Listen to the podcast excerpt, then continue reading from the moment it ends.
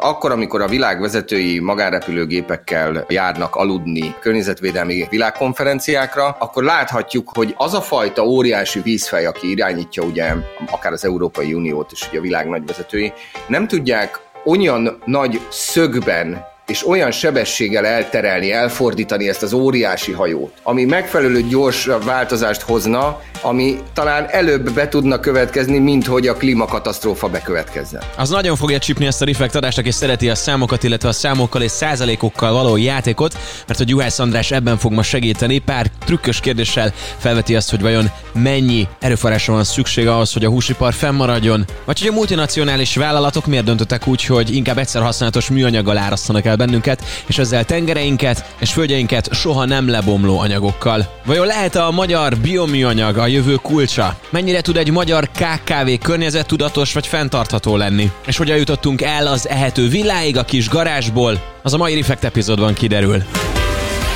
Ez itt a Refekt, egy podcast a jövőről, a legmodernebb technológia szemüvegén keresztül. Egy podcast a hatékonyságról és a fejlődésről, az ipar, a számítástechnika és úgy általában a mindennapi élet szinterein. A házigazda Juhász Pálint. Juhász András, a Bibiodő Öko Lifestyle Shop és a Klineco alapítója mai vendégünk. Jelen pillanatban fenntartható higiénia és csomagoló termékek kutatás fejlesztésével foglalkozol. Vannak saját visszagyűjtött műanyagaitokból készülő 100%-os újrahasznosított hulladékzsákok, és 6-8 év kutatás után most egy csomó lebomló szívószáz szalvéta is a terepen van.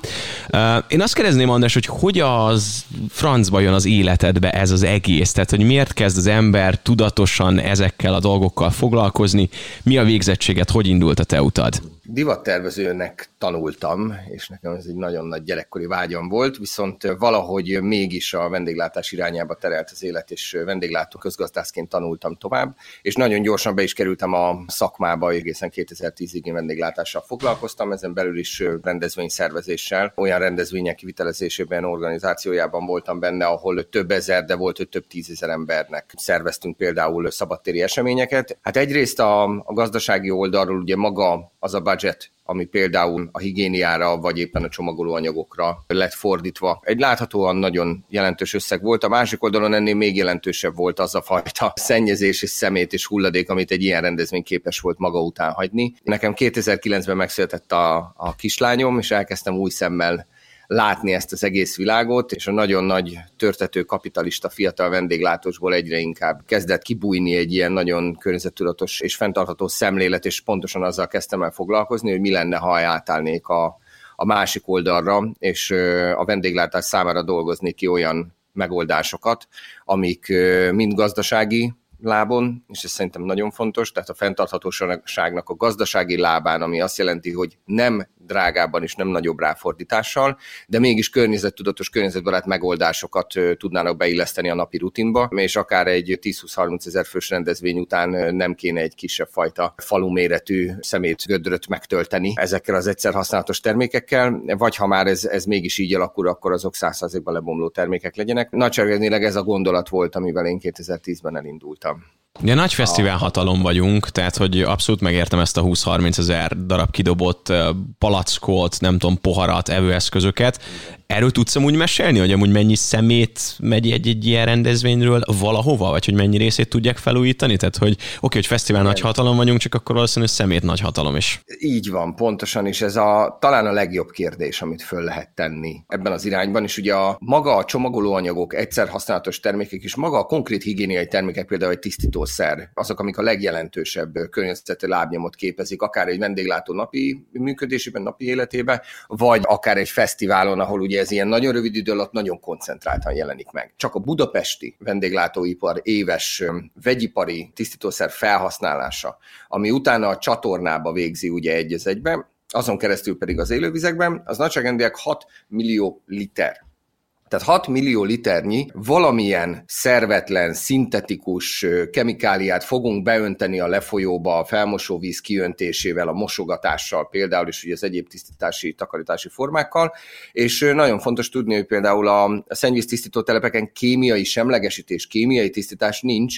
éppen ezért lehetséges, hogy a szintetikus kemikáliákkal együtt például ugyanúgy a gyógyszerek, a hormonképzítmények és minden egyéb sajnos ott landul a Dunában. Ez ugye az egyik legnagyobb környezeti láb. A másik pedig azok az egyszer használatos termékek, amiről nem is gondoljuk, hogy mekkora problémát okozhat, egy hamburger vagy egy nachosnak a, a kis csomagolása, a kis tála, akár egy eldobható egyszer használatos késvilla, vagy mondjuk egy szívószál. Na most egy ilyen 0, kettő az átlagos köbméter, az ugye, hát azért az egy igen sok, tehát egy, egy, egy ilyen jelentős mennyiség, amit egy vendéglátó egységen megforduló, vagy rendezvényen megforduló egy vendég hagy maga után, és akkor ezt el lehet kezdeni felszorozni, ugye természetesen itt van tömörítés, de brutális méreteket tud ez ölteni, tehát nagyságrendileg 100 kötője 200 köbméternyi hulladék keletkezik mondjuk egy egy-két napos rendezvény után. Ez sok vagy kevés? Vagy lehet -e összehasonlítani más országokkal? Ez rettentően sok, főleg akkor, ha abba az egybe belegondolunk, hogy egy kés, egy villaj szívószál, ami magába icipici, ugye? Ekkor de az onnantól kezdve 400 éven keresztül fog szennyezni. 400 éven keresztül is ugye nem lebomlik, és ez is egy, egy, egy apró tévhit, hogy a klasszikus műanyagoknál ugye nem lebomlásról, hanem degradációról beszélhetünk, tehát szétesik. Icipici darabokra ezt hívjuk mikroműanyagnak. És folyamatosan a, a, a szétesés, a degradáció alatt ezek a apró pici műanyag szemcsék, ezek be tudnak kerülni az élővízbe, az élővízen keresztül a növényekbe, az állatok szervezetébe is mérgeznek folyamatosan. Tehát, hogyha ebből a szempontból vizsgáljuk ezt, és mondjuk azt a két-háromszáz köbméternyi műanyag hulladékot elképzeljük, ahogy 400 éven keresztül különböző helyeken megfordul, akkor azért az már egy egészen jelentős szennyeződés, főleg, hogyha ez mondjuk nem csak aktuálisan történik meg, hanem a, a, a vendéglátás napi rutinjába benne vannak ezek a eszközök, termékek. És akkor a vendéglátásból érkező fiatal magyar fiúnak kell ezeket a világ problémákat megoldani. A nagy vállalatok ebben nem is gondolkodnak, hanem folyamatosan szennyezik a környezetet. Hogy van más példa is, akár Európán belül arra vonatkozóan, hogy zöldüljünk, meg figyeljünk oda ezekre? Vagy mindenki így felteszi a kezét, aztán amíg nem lesz para, addig igazából mehet ez a sok tisztítószer és szemét a Dunába? Nagyon jó a kérdés, és biztos, hogy hallottál te is róla egy jó pár hónappal ezelőtt, ugye még tavaly júniusban az Európai Uniónak a hatályos jogszabályai változtak az egyszer használatos műanyagokra vonatkozóan. Gyakorlatilag belettek tiltva a klasszikus műanyagból készült egyszer használatos termékek.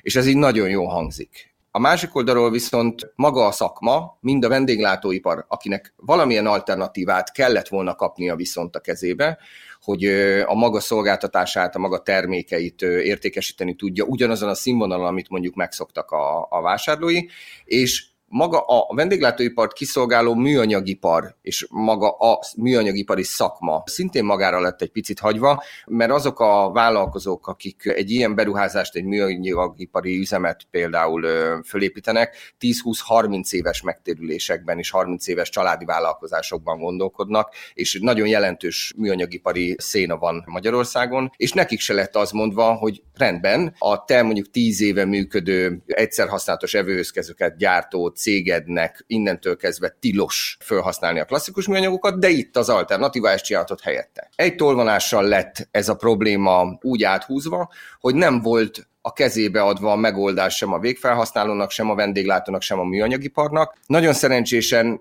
ekkor, amire ez tavaly megtörtént, mi már hat éve kutattunk abba az irányba, hogy egyáltalán, ha ez a pont el fog következni, és, és, és egyáltalán lesz egy ilyen kics hátbarugása ennek az egész problémának, hogy na, akkor most váltani kéne, akkor lehessen valamilyen alternatívát adni, és lehessen a, a műanyagipari gyártónak, akinek ott van a vállalkozása, és ő további 10-20-30 évig ezt üzemeltetni szeretné, ugyanazokon a gépeken, amiket még mondjuk annó a klasszikus műanyagokra megvásárolt, ugyanazokon a gépeken tudjon új, lebomló műanyag, bioműanyag anyagokat, eszközöket gyártani, és a vendéglátósnak, aki szeretné ugyanolyan színvonalon, minimum ugyanolyan színvonalon kiszolgálni a vendégeit, olyan eszközöket adni a kezébe, ami egyrészt alternatíva, technikailag, minőségileg felhasználható, másrészt megfizethető, és ugye az elején ezzel kezdtük, hogy a véleményem szerint a fenntarthatóságnak kettő lába van. Az egyik az az, hogy maga a termék legyen fenntartható, az az öko, környezetbarát és a környezetet nem károsító anyagból készült, a másik oldalon viszont legyen fenntartható gazdaságilag, legyen megfizethető. A legnagyobb probléma az én véleményem szerint az az, hogy egy, egy picit egy ilyen furán privatizálva lett ez az egész környezetvédelem a kis, mikro, középvállalkozásokra, azokra a gyártókra, akiknek ezt a problémát meg kell tudniuk oldani, úgyhogy nem kapnak hozzá semmilyen segítséget, vagy éppen azokra a vendéglátósokra, akiknek mostantól kötelező egy fából vagy bioműanyagból előállított evőeszközt odaadni a vendégnek, de annak az árnövekményét azt nem támogatta nekik senki, és lehet, hogy egy kétszer-háromszor annyiba kerülő alternatívát kell bevezetni, és annak a költségeit viselni, vagy tovább hárítani, tehát akár egészen hozzánk a fogyasztóig, aki a hekket megesszük a Balatonparton, hozzánk eljut ez a fajta többletköltség, és innentől kezdve a, a, a legnagyobb feladat ezt végig gondolva a termékfejlesztést olyan irányba vinni, ahol az a gazdasági terheket tudja minimalizálni, miközben maximalizálni a környezetvédelmi szempontokat. Ezen dolgozunk. Lassan haladunk el oda, ahonnan kiindultunk, mert régen nem voltak műanyag, meg egyszer használhatós dolgok. Tehát, hogy alapvetően én, hogyha a menzára gondolok, akkor ott voltak szépen a fémkanalak, villák, rendesen az igazi üvegpoharak, és hogy nem volt alternatíva az, hogy most te megyél magadhoz egy műanyag villát, amit eldobhatsz. Ezt kényelmi szempontból, vagy, vagy miért vezették be, hogyha egyszerűen azért, mert rendelkezésre állt a műanyag, és így kényelmes? Vagy hogy jutottunk el oda, hogy, hogy lett egy ilyen szennyező anyaghalmazunk? Egy picit elmentünk ugye a, abba az irányba, hogy ezt az egészet mondjuk ez egyszer használatos szempontból közelítjük meg, és ö, amúgy a, a nagyon jó kérdést egy picit én azzal bővíteném, hogy és például miért lett az üveges üdítőitalokból hirtelen műanyag palackos üdítőital, és ezt egészen görgethetnénk ugye a, a, a teljes csomagolóipar irányig. Tehát miért nem tartós használatú, göngyölegezhető, tehát vissza rendszerbe visszaforgatható csomagolóanyagokat használunk, miért használunk amúgy nagyon gyorsan előállítható egy kőolaj feldolgozás gyártásnak a melléktermékéből, ami kb. ingyen van, nagyon gyorsan, tehát nagyon olcsón előállítható csomagolóanyagok miért kerültek az egyébként felgyorsult fogyasztói piacra, ahol már ugye a túlfogyasztása jellemző, és szerintem a, a feltett kérdésekkel meg is válaszoltuk. A tartós, göngyölegeztethető, visszaforgatható csomagolóanyagokkal ellentétben ennek, ennek nincs utóélete, ezzel nem kellett foglalkozni a nagy multinacionális cégeknek, és akkor, amikor egy igazi világszintű kapitalista tömegtermelés el tudott indulni a 30, elmúlt 30-40 évben is, ugye gyakorlatilag ez egy 30-40 éves kérdés maga a műanyag, nem több. A profit maximalizálása volt a fő cél a multinacionális cégeknek. Nem azt vizsgálták, hogy hogyan tudnánk a környezetet megóvva, akár nagyobb energia ráfordítással, ugye üvegvisszagyűjtő pontokat, még szerintem te is ugye gyerekkorunkból emlékszünk, mindenhol volt üvegvisszagyűjtő pont. Üvegvisszagyűjtő pontokat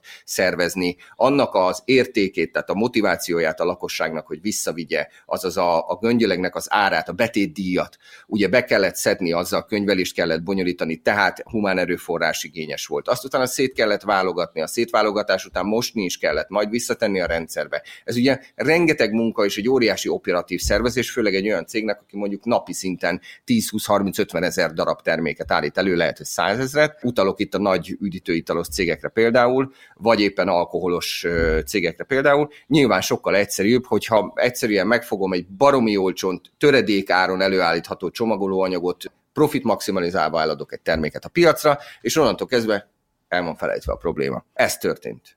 Ez történt az elmúlt 30-40 évben, és ez mind olyan gyorsan forgott le, hogy csak, csak, csak most vesszük észre, hogy úristen, mi is történik körülöttünk, mindenhol áll a szemét, mindenhol úszik a műanyag, és, és az imént beszéltünk róla, hogy az a, üdítőital, amit megiszunk körülbelül másfél perc alatt, vagy az a kés villa, amit mondjuk egy 5-6-8 perc alatt felhasználunk arra, hogy megegyük azt a megvásárolt ételt, azonnantól kezdve 400 éven keresztül itt lesz, gyakorlatilag formába öntve, majd utána láthatatlan szemcsék méretébe ki tudja még meddig. Tehát egy kb. örökle szóló problémáról van szó. Azt mondod, hogy az ilyen nagy vállalatok és multik alkották ezt a problémát főként, most viszont meg ilyen megmentőként érkeznek közénk, és hirdetik, hogy repet, karbonsemlegesség, újra felhasznált műanyag, stb. stb. Akkor ez egy kicsit ilyen álszenteskedés, vagy, vagy nem tudom, hogy vagy egyszerűen erre, kicserélődött erre a... jó szó a greenwashing, igen. Aha. Erre a jó szó a greenwashing, pontosan. Ugye azt kell vizsgálni, hogy mondjuk egy üdítőital, egy, legyen egy 3 decis üdítőital késztermék előállításának mekkora a környezeti lábnyoma. Beltartalom csomagolás esetében, és mennyit tudunk ezen csökkenteni mondjuk akkor, amikor a kupak, mert ugye nem a teljes csomagolás, a kupak újra hasznosított anyagból van. Tehát szerinted hány százaléka a teljes környezeti lábnyomának egy ilyen üdítőitalnak, a kupak, ami mondjuk újrahasznosított műanyagból készül. Hát ha így kérdezed, akkor mondjuk 80 százalék. Hát igen, szerintem inkább a 3-4 százalék magasságában van. Tehát a nagyon hangzatosan előadott fenntarthatósági megoldások, hogy mostantól a termékek már a kupakja újrahasznosított műanyagból van, az a, a termék által elő, előállított környezeti lábnyomnak mondjuk jó esetben a 2-3 százaléka. Nem egy valódi megoldás, amiről beszélünk. A valódi megoldás az például már az, ahol mondjuk a palack test maga és a palack anyaga legalább 70-80 százalékban újrahasznosított műanyagokból készül. Itt már ugye el tudjuk azt érni, hogy nem egy egyszer használatos irányba ment el az előállított anyag, hanem vissza volt gyűjtve, újra volt hasznosítva, és az újrahasznosításnál az a fogalom vonatkozik erre, hogy upcyclingolva volt, mert azt azért tudni kell, hogy attól, hogy egy klasszikus műanyagot összegyűjtünk, ledaráljuk, nem lehet belőle egyből egy ugyanolyan minőségű új anyagot létrehozni, ott egy ilyen upcycling eljárásnak kell alávetni, ahol újra azokat a tulajdonságokat vissza tudjuk adni a műanyagnak, amitől például újra fröccs önthetővé válik, vagy feldolgozhatóvá erre, válik. Bocsánat, és erre tudsz mondani valami arányszámot, hogy mondjuk egy basic sima műanyag előállításához képest mondjuk ez az újrafeldolgozás mekkora erőforrással kell, hogy bírjon? Igen, inkább a végéről kezdve biztos, hogy nem lesz olcsóbb. Az, hogy ha már ugyanannyiba kerül egy újrahasznosított műanyag, mint egy originál, az egy tök jó arány, akkor ott egy nagyon jó termelési lánc ment végbe. Általában, és most a piaci trend az ezt mutatja, hogy ugye drágábbra jön ki. Ugye azt gondoljuk, hogy mivel újrahasznosított műanyag kb. hulladékból van az alapanyag, tehát hogy az ingyen van. Ez valahol meg is állja a helyét, viszont az a fajta logisztika és a logisztikával kapcsolatos gyűjtési és szállítási feladatok, amik ugye az anyag összegyűjtéséhez, az újrahasznosításig való összegyűjtéséhez érnek, az egy elég, elég, elég masszív és elég költséges folyamat, ugye főleg jelenleg, amikor a, az üzemanyag árak az egekben vannak, valamint utána az a fajta technológia, amivel újra hasznosíthatóvá lehet, újra használhatóvá lehet tenni a műanyagot, az egy, az egy nagyon-nagyon jelentős beruházás, és annak egy nagyon jelentős költsége is van, ezért visszaér az anyag, az újrahasznosított anyag ugyanarra az árszintre de ez jó, ez egy abszolút megoldás. Támogatjuk azt, hogy az anyagok újra hasznosíthatóak legyenek, és hogy hasznosítsák is újra őket, és termék előállítás szempontból pedig akkor, hogyha ugyanannyiért vagy egy 10-15 százalékon belül drágábban tudunk, de már újra hasznosított anyagot vásárolni, az egy teljes egészében beilleszthető többletköltség egy, egy gyártó esetében. Ez egy megoldás. Igen, csak ilyenkor jönnek ugye a felhasználók, akik nagyon hangzatosan akár több pénzt is adnak azért, vagy fogyasztók, hogy valami zöld. Tehát egy kicsit azt érzem, hogy Ugye van ez az állítás, hogy kicsibe kell elkezdeni, de valamiért, mint hogyha ránk lenne pusolva egyszerű fogyasztókra, hogy mi tegyük meg ezeket a lépéseket, és a saját pénzünket költsük el azért, hogy jobb legyen és zöldebb legyen. Erről mi a hát, véleményed?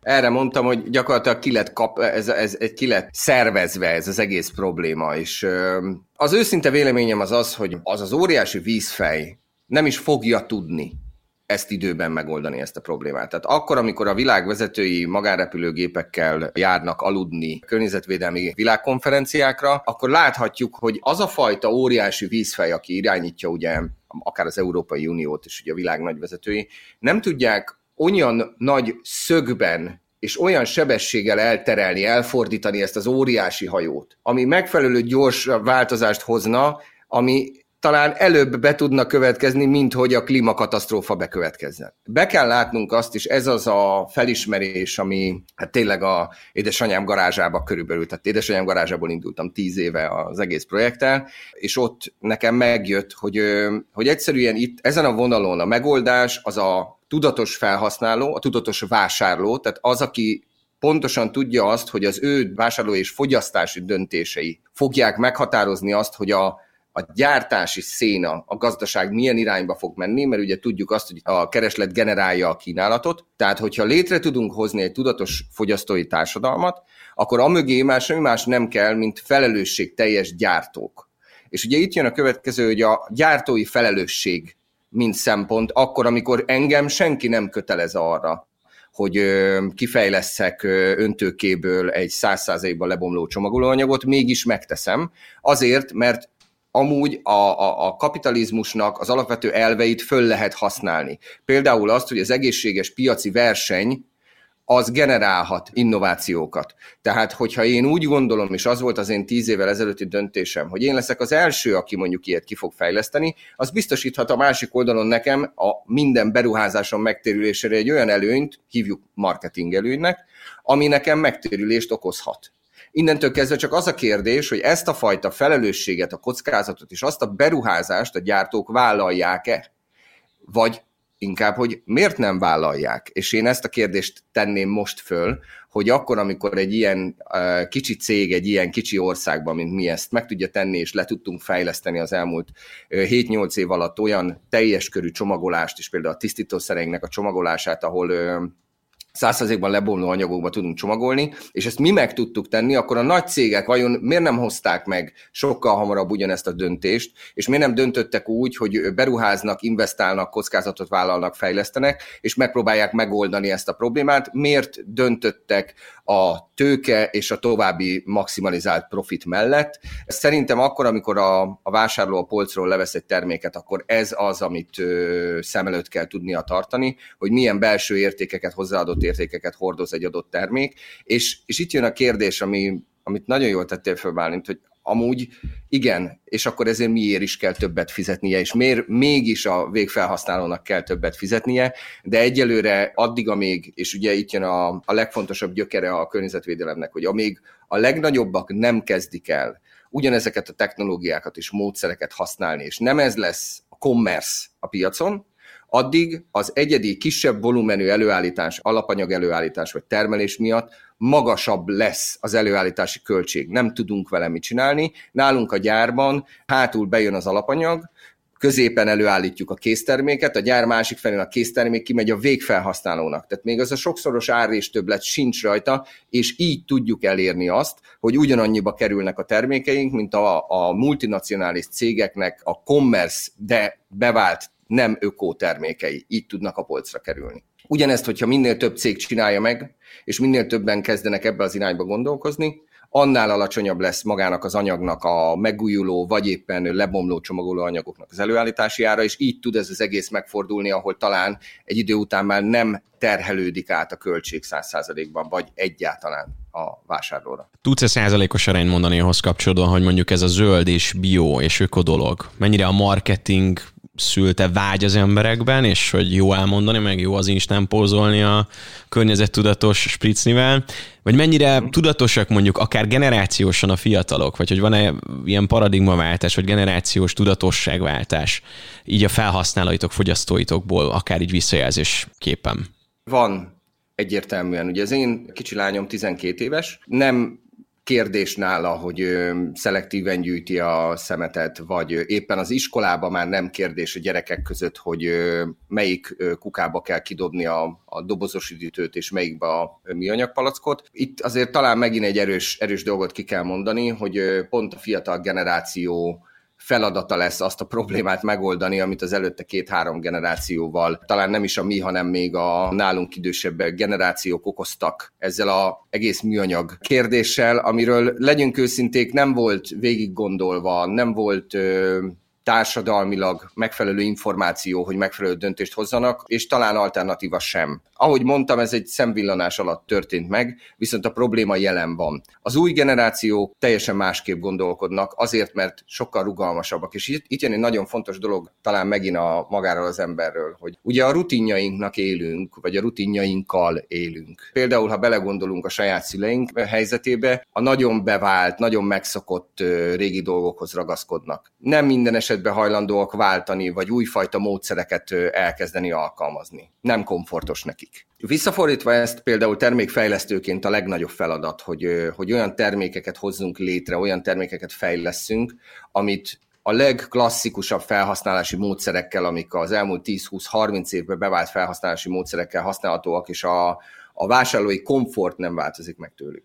Talán ez lenne a cél, ez lenne az óriási feladat a gyártók részére, és nem a fiatal generáció edukálása a nagy cél jelenleg. Azért, mert ők már szellemiségükben sokkal innovatívabbak, és sokkal tudatosabbak, sokkal inkább a, az idősebb korosztály, talán a jelenleg 30 pluszos, 30-tól fölfelé korosztály az, akinek el kell tudnunk juttatni azt az üzenetet és azt az információt, hogy igenis számít az, hogy milyen döntést hoz egy bevásárlás közben, számít az, hogy a kiürült csomagolóanyagával mit kezd. Nagyon nagy lépéseket lehet tenni megfelelő információ átadásával, ezért is az a célunk nekünk is, hogy minél inkább edukatív, de közérthető információt tudjunk kivinni és bemutatni az embereknek.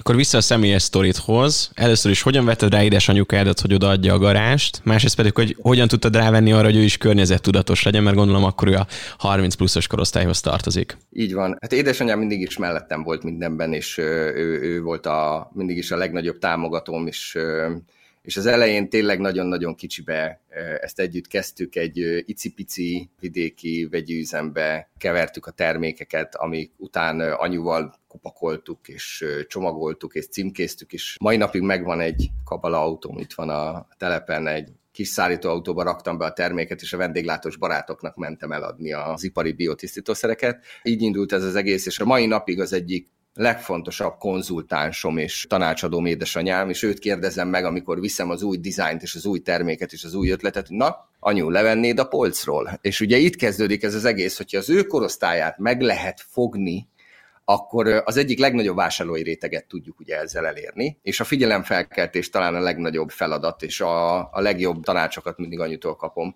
hogy hogyan kell például kinézni egy terméknek, mert ugye mi a saját szemünkkel más látunk szépnek például, vagy érdekesnek, vagy mást veszünk észre, mint mondjuk egy idősebb korosztály. Tényleg a formatervezés és a design tervezésünk egyik legnagyobb feladata az, hogy olyan termékeket tudjunk a piacra vinni, amit hogyha nem öntünk óriási összegeket mondjuk tévéreklámokba, hogy megismertessük a terméket, a termék mégis eladja magát a polcról, vagy észrevetesse magát a polcon, és ehhez megfelelő, tényleg ez most a szó pozitív értelmébe vett mainstream megoldásokat kell tudnunk alkalmazni hozzá. Mondjuk rádobott Pataki Ágit a Fabulon arcát az új termékeidre valamilyen zöld háttérrel, vagy tudsz mondani példát? Azért, azért az ennyire klasszik iránynak nem vagyok a híve, megmondom őszintén bár a művésznővel igen szimpatizálunk. Kifejezetten színekről, formákról, textúrákról van szó.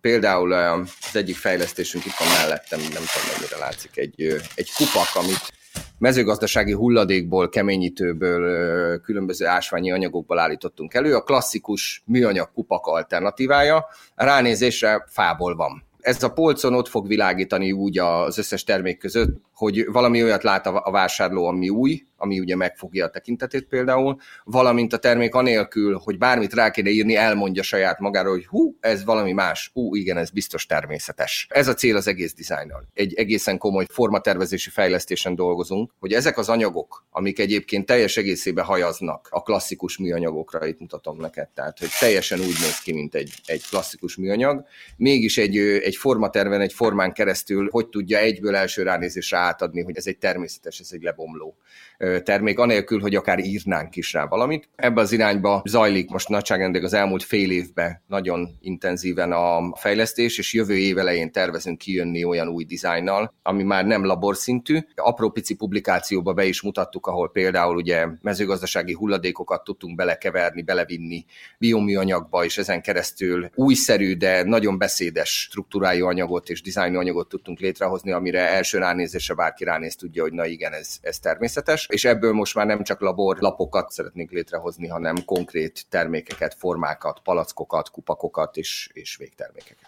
Én visszamennék az elejére, hogy hogyan működik egy ilyen kutatás. Tehát, hogy az én fejemben ugye tíz éve kevergeted a mérget a garázsban, de hogy mondjuk eljutsz egy nagyon király termékhez, mondjuk akár egy biotisztítószerhez. Akkor utána a következő fázis a csomagolás, a kinézet, a marketing üzenet, és akkor utána mehet valahogyan szállítással a fogyasztó irányába. Ezek a fő lépcsői, vagy mondjuk mondjuk hogyan kezdődik egy ilyen? Pontosan ezek csak, csak teljesen fordítva. Édesanyám példájára visszatérve, édesanyámat meg szoktam kérdezni, hogy igen, mivel szeretsz mosogatni, és, és miért szeretsz azzal mosogatni. Mik azok a szempontok, amiért mondjuk pont egy mosogatószer jól működik, szerinte jól működik, mit kell tudnia, és milyen vásárlói komfortot kell tudnia biztosítani. És utána az a kérdés, hogy ezeket a szempontokat például egy oldja jól a zsírt, és jól habozzon, és a, a palackot jól legyen megfogni, hogy amikor a szivacsra borítom, ne csúszson ki a kezemből. Ezeket a szempontokat figyelembe véve kell tudni elkezdeni a szempontok környezettudatos alternatíváján gondolkozunk, és onnantól kezdve ezeket keressük. És amikor megvan mind, amikor összeáll a termék, mind beltartalmilag az összes megoldás, hogy olyan természetes eredetű tenzideket találjunk, amik tényleg jól habzanak, és egyébként tényleg szép a textúrájuk, és mondjuk jól oldják a zsírt, vagy csomagolóanyag tekintetében egy olyan megoldást dolgozzunk, amivel anyu kezéből nem csúszik ki a flakon, amikor ő nyomja ki belőle a mosogatószert, akkor azt lehet mondani, hogy félkész a termék. Van még egy nagyon fontos dolog, és a fenntarthatóságnak a gazdasági lábáról nagyon sokat beszéltünk, hogy lehet és nagyon sokan foglalkoznak különböző területeken fenntarthatósággal és környezetbarát termékfejlesztéssel, viszont ha ez a termék ez sokkal nagyságrendekkel drágább lesz, mint a nem környezetbarát verzió, ami már ott van rég a polcon, sokkal nehezebben lesz eladható. Ezért egy dizájnnál, egy termék tervezésnél is itt a dizájn alatt értsünk mindent, ami a termékhez kapcsolódik, egyben például azzal a kereskedelmi módszerrel, amivel a végfelhasználóig eljuttatjuk, mindennel kell tudni foglalkozni, és mindennel kell tudni számolni, hogy ez a termék, ami lehet, hogy mind beltartalmában, mind csomagolásban egy nagyon-nagyon értékes termék, de olyan áron és olyan módon tudjon eljutni a fogyasztóhoz, hogy az elérhető legyen nagy réteg számára, tehát valódi megoldást tudjon ne csak réteg problémát, hanem egy nagy valódi mainstream, megint pozitív értelemben mainstream megoldást tudjunk biztosítani, és egy olyan áron, ahol ennek a költségét nem terheltük tovább a felhasználóra. Tehát egy olyan gazdasági, kereskedelmi módszert kell találni erre, például a, a különböző nagy kereskedelmi láncok kizárását, ahol a fogyasztói ár megegyezik a klasszikus nem öko vagy nem biotermékek árával, és minden esetben nálunk például ez a cél és milyen technológiákat tudtok ehhez használni, illetve az is érdekel mondjuk egy ilyen új anyag kifejlesztésénél milyen heves viták vannak, vagy hányan vagytok emögött, akik vitatkoznak azon, hogy milyen polipeptid, és a többi, és a többiből álljon össze ez a dolog. Ezt úgy képzeld el nálunk, hogy rendszeresen összejövünk így a munkatársakkal, fölülünk ide a tárgyalóba, és tényleg itt a cégnek az összes divíziójáról, tehát például a raktárból, a szállító kollégák, a pénzügyes kollégák, a marketingről természetesen a lányok, tehát tényleg az egész csapat, és egy ilyen nagyon színes, nagyon vegyes, nagyon összetartó kis banda vagyunk mi. És arról szoktunk például beszélgetni a legutolsó beszélgetés, ugye itt pont a, az óriási áremelés és infláció miatti áremelkedések miatt, hogy kinek milyen vásárlási szokásai vannak, és hogyan vásárol. Miért vesz meg egy terméket, miért nem vesz meg egy terméket, miért ragaszkodik egy termékhez, és meddig ragaszkodik egy termékhez. Tehát például ugye itt az áremelések kapcsán beszélgettünk erről, hogy mik azok a lélektani pontok, amiknél eldől az, hogy egy adott fogyasztó mit vásárol meg, és, és természetesen ennek ott van a labor háttere, amikor a kutató kollégáimmal vitatkozunk a, azon, igen, hogy akkor most melyik összetételt válasszuk éppen hozzá, és abból mennyinek kell lennie. És ez a fajta elegy, tehát amikor kidolgozunk mondjuk egy beltartalmat, kikeverünk, maradjunk a mosogatószer például, és pont a napokban történt, kikeverünk egy, egy új mosogatószer formulát, még be sincs csomagolva, de már tudjuk, hogy hogy kell ennek kinéznie, és hogy a polcon hol lesz ennek a helye, viszont anélkül, hogy ezt megosztanánk, odaadjuk a kollégák kollégáknak, mindenki hazaviszi és elkezdi kipróbálni, és elmondja a véleményét róla. És addig, amíg nem kapunk egy egységes pozitív visszajelzést a beltartalomról, nem megyünk tovább. Ha megvan a beltartalmi pozitív visszajelzés, és tudjuk azt, hogy ami belül van, az megfelelő, akkor jön a csomagolásfejlesztés, tervezünk egy dizájnt, srácok már ismernek ilyen kreatív fotókkal szaladgálok körbe a cégnél, és mutogatom mindenkinek, hogy na milyen, na, hogy tetszik, na, levennéd, na, nem, és mindenki elmondja a véleményét, és, és, és hidd el, hogy nagyon-nagyon nagyon sokat tanulok mindig a, a kollégáktól, és olyan, olyan mindenki más szemszögből, más szempontokból, általában olyanokból, amiből mondjuk mi nem olyanokból nézik, és addig finomítjuk, és addig formáljuk, amíg nem tökéletes. Amikor a csomagolás és a beltartalom összeáll, akkor megy ki a termék a piacra, és már a jól bevált és kidolgozott kereskedelmi csatornáinkon kezdjük el elérhetővé tenni a termékeket. Akkor nem félnek tőled, megmondják pacekba, hogyha valami para nem. van. Ez külön felhívás, hogy rémisztő őszintének kell lenni, igen igen, mindig ezt szoktam mondani, hogy kegyetlen őszinte választ. Digitalizáció, automatizálás, megújuló energiaforrások, ezekkel hogy álltok? 2000 négyzetméteren dolgozunk jelenleg, itt működik a termelésnek a beltartalmi keverési technológiai része, valamint ugye a csomagolóüzem, és a csomagolóüzem mellett például egy manufaktúra is, ahol kisebb méretű termékek, kézi csomagolású termékeket is állítunk elő, tehát nem csak gépesítettet. És ugye az egész üzem és az egész üzemcsarnoknak egy egész jelentős részét, nagyságrendileg az energiafelhasználás 80%-át tudjuk biztosítani megújuló energiaforrásból, tehát egy napkollektor park működik az üzem mellett például a termeléshez felhasznált melegvizes forrást, vagy éppen az üzemcsarnok fűtését napenergiával tudjuk biztosítani. Nagyon rövid távú célunk, tehát jövő nyárig tervezünk napkollektor és napelempark bővítést, amivel a 100%-ot el fogjuk tudni érni. Tehát gyakorlatilag az energia felhasználásban zéró karbon semleges tud lenni a termék. Most is ugye már nagyon szépen közelítjük ezt az arányt. A termelésen belül pedig szintén a fő cél, hogy például a bejövő göngyölegek, csomagolóanyagok tekintetében is nulla legyen a környezeti lábnyomunk. Jelenleg vagy göngyölegeztethető alapanyagos csomagolásokat használunk, amiben ugye folyamatosan forog, jön az alapanyag és megy vissza az üres csomagolás, vagy azok a csomagoló anyagok, amiket nem lehet újra hasznosítani, azokból ezek hordók általában, ilyen nagy 200-250 literes hordók, ezeket félbevágva építettünk egy kísérleti kertészetet itt szintén a telepen. Kísérleti kertészetnek a magas ágyását biztosítják ezek a hordók.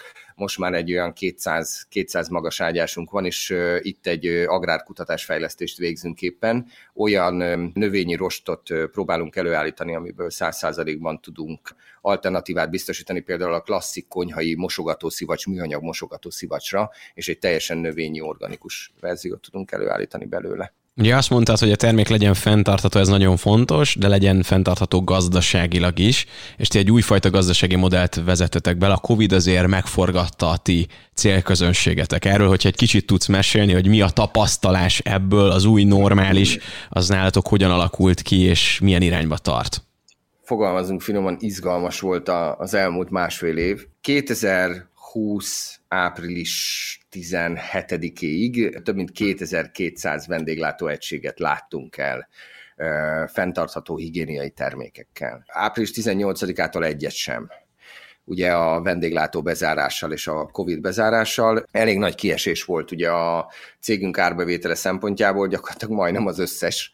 Innentől kezdve rámutatott arra, hogy több alternatív üzletágban kell tudnunk fejleszteni, és kell tudnunk a, a piacon jelen lenni, ahhoz, hogy hosszú távon és stabilan tudjunk működni. Az elmúlt másfél év fejlesztéseinek köszönhető, hogy a háztartási üzletágban a háztartási biotisztítószerek, ugye a Klinekonak a háztartási biotisztítószerei most már majdnem 60 féle termék, gyakorlatilag minden, ami egy háztartásban szükséges, a polcokra tudott kerülni, mindezek pedig már a lebomló csomagolásokban foglalnak helyet a polcokon, valamint létrejött ez a gyakorlatilag fenntartható életmód üzlet, mind online, mint ö, bolti szinten, ez a Bibodi Lifestyle Shop, ahol az volt a cél, hogy a, a háztartási felhasználókhoz is közelebb vigyük a környezeti lábnyommentes higiéniát, és az ahhoz kapcsolódó mindenféle terméket, amit ugye elkezdtünk gyártani, és, és most már a gyártásunk is sokkal sokrétűbb. Papírtermékeket, újrahasznosított papírtermékeket is állítunk elő, újrahasznosított vagy éppen lebomló hulladékzsákokat. Most indul el a Luffy névre keresztelt projektünk, ahol 100%-ban növényi rostokból és növényi eredetű alapanyagokból fogunk műanyagmentes alternatívát kínálni a háztartási takarítóeszközökre, szivacsokra, dörzsikre, rongyokra, kendőkre. Szélesítjük a portfóliót, új értékesítési és fejlesztési divíziókkal bővült a cég, még így is, hogy ugye a gazdaság hála az égnek azért picit felélénkült és visszatértek a régi vásárlóink, de az egyértelműen a jövőbeni cél az, hogy egy sokkal szerteágazóbb gyártási és kereskedelmi divíziókkal tudjunk a piacon szerepelni, és ezzel stabilizáljuk hosszú távon a saját működésünket. Egy kicsit beszéljünk erről a bioműanyagról így nagyjából zárásképpen. Én a Facebook oldalon láttam, hogy létrehoztatok egy elegyet, amit nagyon büszké hirdettél. Ugye ez az alap, amit az előbb így mutattál nekem videón keresztül, mert így beszélgetünk. Igen. Hála a Covid-nak. Fentartható élet, ez volt még az a hívószó, amit kimondtál. Én ezt a bioműanyag létrehozást, és hogy hogyan működik, hogyan bomlik le, illetve a komposztálást hoznám be így a végére, mert hogy oké, okay, gyűjtjük szelektíven a szemetet, de például nekem sem jut eszembe komposztálni. Pedig van egy kis telkem, és képzeld el, hogy ott nincs hulladékszállítás, és pont úgy gondolkodom, hogy a következő évet úgy fogom megindítani, hogy csak az jöhet a barátaim közül oda, aki olyan élelmet, italt, bármit hoz, aminek a hulladéka, vagyis a csomagolása az lebomló. Szerinted ez lehet-e következő lépés itthon, illetve akkor tehát a bioműanyagról is kérlek beszélj egy kicsit? főleg szakmai jellegű vita van mostanában, akár körülöttem is, és velem is nagyon sokat vitatkoznak, hogy de már pedig nem a bioműanyag a megoldás, és már pedig az újrahasznosított műanyagok irányába kell menni, és majd az meg fog oldani mindent. Egy arányszámot mondanék, de lehet, hogy inkább megkérdezem tőled, hogy tudod-e esetleg azt, hogy jelenleg Magyarországon hány százaléka a műanyag hulladéknak hány százaléka kerül újra gyűjtésre és újra hasznosításra? Én 20%-ot mondanék, hiszek ebben a 80-20-ban, és az előbb 80-at mondtam, most 20-at. Igen, majdnem eltaláltad, ez jelenleg egy százalék magasságában van. Ez, ebből egy dolgot következhetünk, és most ugye nem a, a rendszer negatív oldalát akarom bemutatni, hanem inkább a, a valóságra próbálok rávilágítani. Tehát, hogy akkor, amikor tudjuk azt, hogy jelenleg olyan nagyságrendileg 98-99 százaléka a műanyag hulladéknak a kommunálisban végzi, a vegye, nagy vegyesben.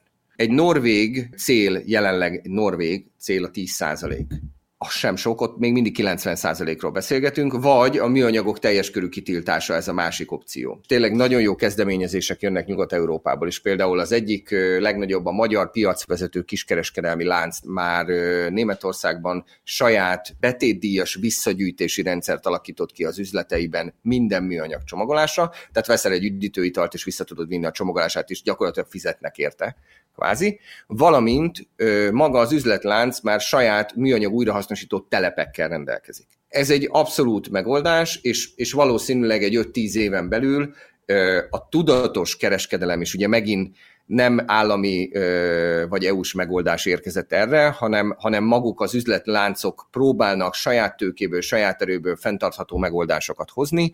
Ez egy, ez egy baromi jó irány. De addig is mi fog történni? Az történik, hogy ö, hát minimum 90% a kommunálisban fogja végezni. A kommunálisból pedig még talán a jobbik eset az az, hogy égetésre kerül, a rosszabbik eset az, hogy egy szemét lerakó gyomrában fog böfögni, hát több száz éven keresztül. A kommunális hulladéknak a bomlása az iszonytató mennyiségű, nagyon veszélyes mérges gázt enged a légkörben. Ezt próbálják egyébként ezeknél a szemétlerakóknál különböző módszerekkel összegyűjteni, de gyakorlatilag lehetetlen elszigetelni azt a csurgalékvizet, ami egyszerűen a bomlás közben létrejön ebbe a, a szemét dombban, és az lefele a talajvíz irányába távozik, valamint a gázok pedig fölfelé böfögnek ki, és fölfele távoznak. Egy részét próbálják visszagyűjteni, megfogni ilyen különböző szűrőkön keresztül, viszont egy nagyon jelentős része a légkörbe fogja végezni. Tehát, hogyha őszintén saját magunkkal szembe akarunk nézni, és a probléma méretével akarunk szembenézni, a probléma mérete az, hogy valószínűleg még 10-20 éven keresztül a műanyag hulladéknak a 90 plusz százaléka kommunális hulladék lerakókban, vagy szemétégetőkben fogja végezni, és mindkét esetben óriási környezeti szennyezést és környezeti terhelést fog okozni.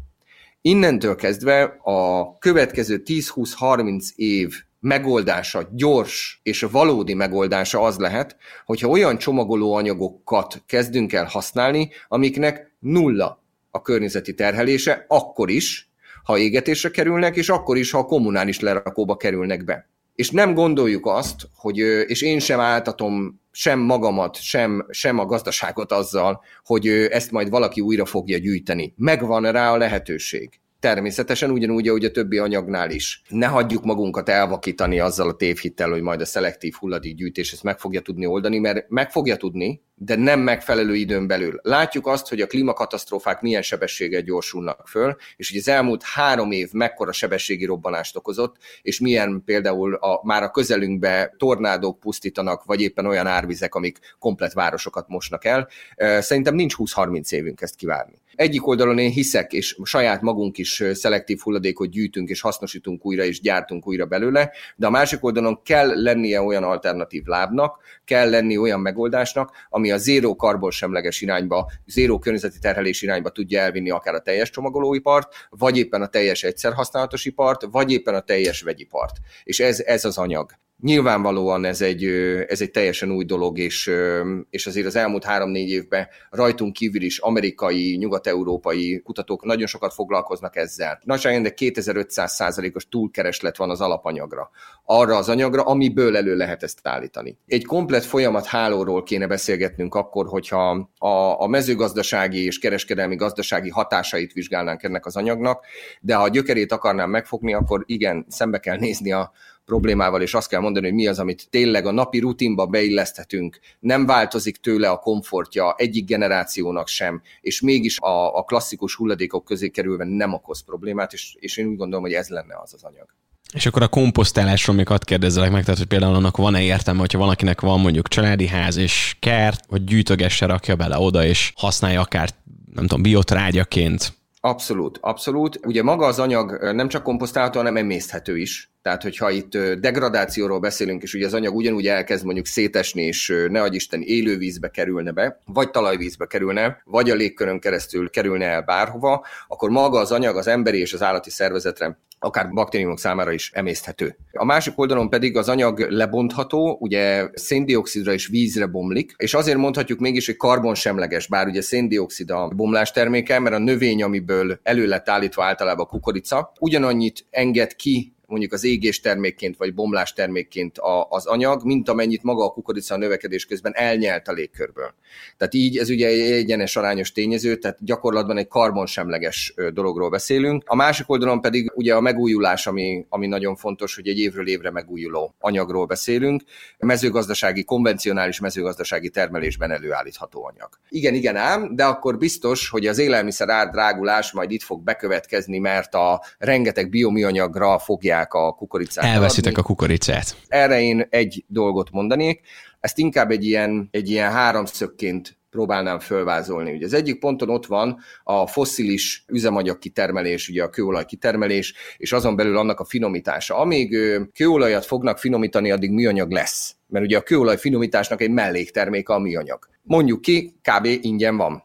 Amíg ugye előállítjuk a dízelt meg a benzint, útközben lesznek olyan anyagok, amiből előállíthatóak a polipropilén és a polietilén, tehát a hőre keményedő, hőlelágyuló, vagy éppen a rugalmas műanyagok, és ezeket piacra lehet bocsátani, innentől kezdve ugye baromi olcsók. Hogyan csökkenhet az új műanyag kibocsátási mennyisége, úgy, hogy csökken a felhasznált üzemanyagok mennyisége. Jelen gazdasági körülmények között nem éppen ez a jellemző, de például, és akkor itt egy nagyon fontos, hogy ugye az elektromos autóipar az pontosan abba az irányba viszi az egész gazdaságot, ahol már megvan a lehetősége annak, hogy csökkenjen a foszilis tüzelő és üzemanyagoknak a felhasználása. Ezen keresztül teret nyerve az elektromos áram, és ezen keresztül teret nyerve még valami, a műanyag és a csomagolóanyag felhasználás is ugye folyamatosan a túlfogyasztás miatt ugye pörög föl. Tehát annak a helyére, ami ott megszületik, kvázi veszteség, alultermelés, annak a helyére be lehet tenni a bioműanyagot, és ott lehet egy nagyon szépet lépni előre. A másik pedig egy újabb téma, és erről lehet, hogy újabb podcastot kéne majd egyszer szervezni, az az, hogy tudjuk-e azt például, te tudod-e, hogy a, a mezőgazdaságnak, tehát a, a globális mezőgazdaságnak hány százaléka dolgozik a húsipar és az állattenyésztés alá, tehát ugye a takarmány szintű mezőgazdaság az élelmiszeripari mezőgazdasághoz képest hány százalék? Tehát, hogyha a mezőgazdaság száz, abból hány százalék a, a, a húsipar és a, az állattenyésztés kiszolgálása, és hány százalék a direkt végtermék, élelmiszeripari végtermék termék. Érdekesek az arányaid, én most megint a 80 felé mennék. Igen, most viszont nem téved sokat, 70-30, egy nagyon izgalmas felvetés, és nagyon sok kutató foglalkozik most vele, hogy amennyiben mondjuk nem fogyasztana húst hipotetikusan az emberiség, a termőterületek hány százaléka szabadulna föl? 70. Na most akkor játszunk egy sokkal reálisabb számot, minden ember hetente egy napig nem eszik húst. Heti egy nap. 20 százalék csak heti egy nap 20%, és ennek a helyére betesszük, ennek a felszabadult mezőgazdasági területnek a helyére betesszük mondjuk a, azt a fajta bioműanyag kiszolgáló mezőgazdasági tevékenységet, ahol nincsen árfelhajtó hatás, mert ugye nincs túlkeresleti probléma, és nincsen ugye területi megosztási probléma, Innentől kezdve olcsó bioműanyagot tudunk előállítani, valamint 20%-kal csökken az állattenyésztésből fakadó környezeti szennyezés. Ugye azt is tudjuk, hogy az állattenyésztés, mint ugye világszintű állattenyésztés, az egyik legkörnyezetszennyezőbb és környezetterhelőbb tevékenység, amit egyből 20%-kal tudnánk csökkenteni, valamint ezzel párhuzamosan, mint a haba tortán, gyakorlatilag teret tudna nyerni a mezőgazdaság biopolimer üzletágat kiszolgáló része, tehát tudnánk előállítani bioműanyagot olcsón. Hát András, hogyha tíz évvel ezelőtt egy kis garázsban kezdtél el álmodozni, akkor most így a céged élén, tíz év múlva milyen víziókat látsz magad előtt? Hol fog tartani a világ? ti éppen milyen terméket fejlesztetek, mekkora részesedésben újítjátok meg az emberek tudatát, illetve termék kínálatát. Én abba bízom, hogy lehetőségem nyílik minél több fronton elmondani azt a sok-sok információt, ami ahhoz kell, hogy mindenki, amikor odaér, hogy vásárol, akkor jó döntést tudjon hozni, és, és valóban meg fog történni az, amiről, amiről tíz éve álmodozunk, hogy létrejön egy olyan tudatos vásárlói társadalom, aki kikényszeríti akár a multinacionális cégekből is azt, hogy, hogy igenis váltsanak és fenntartható környezetbarát megoldásokat alkalmazzanak, mert különben nem tudják eladni a termékeiket ha ebbe az irányba el tudjuk mozdítani, és egy, egy icipici apró szeletét meg tudjuk nyerni a gazdaságnak, és mint konkurencia föl tudunk lépni a, a multicégekkel szemben, és azzal a hírveréssel, amit tudunk csapni, tudunk elteni egy kis feszültséget a piacon, és jó irányba tudjuk ezzel terelni a termékfejlesztést, a gyártást, és ezen keresztül a gazdaságnak a műanyaghoz és a hulladéktermeléshez kapcsolódó részét,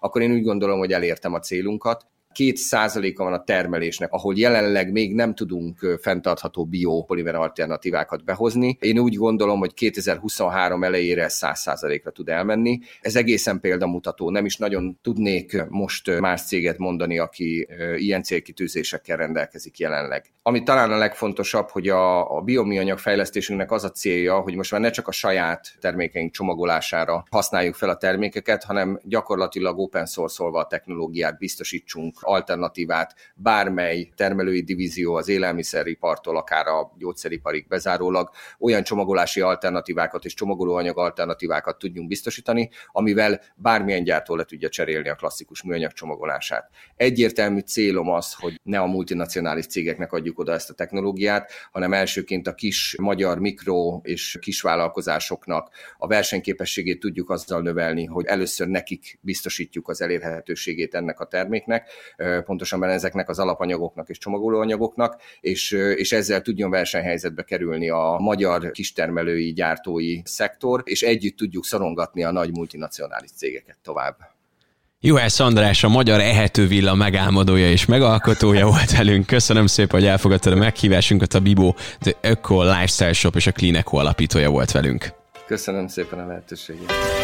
Ez volt a Refekt, Juhász Bálintal. További tartalmakért, epizódokért keres bennünket a Spotify-on, az Apple Podcast-ben és a további podcast platformokon.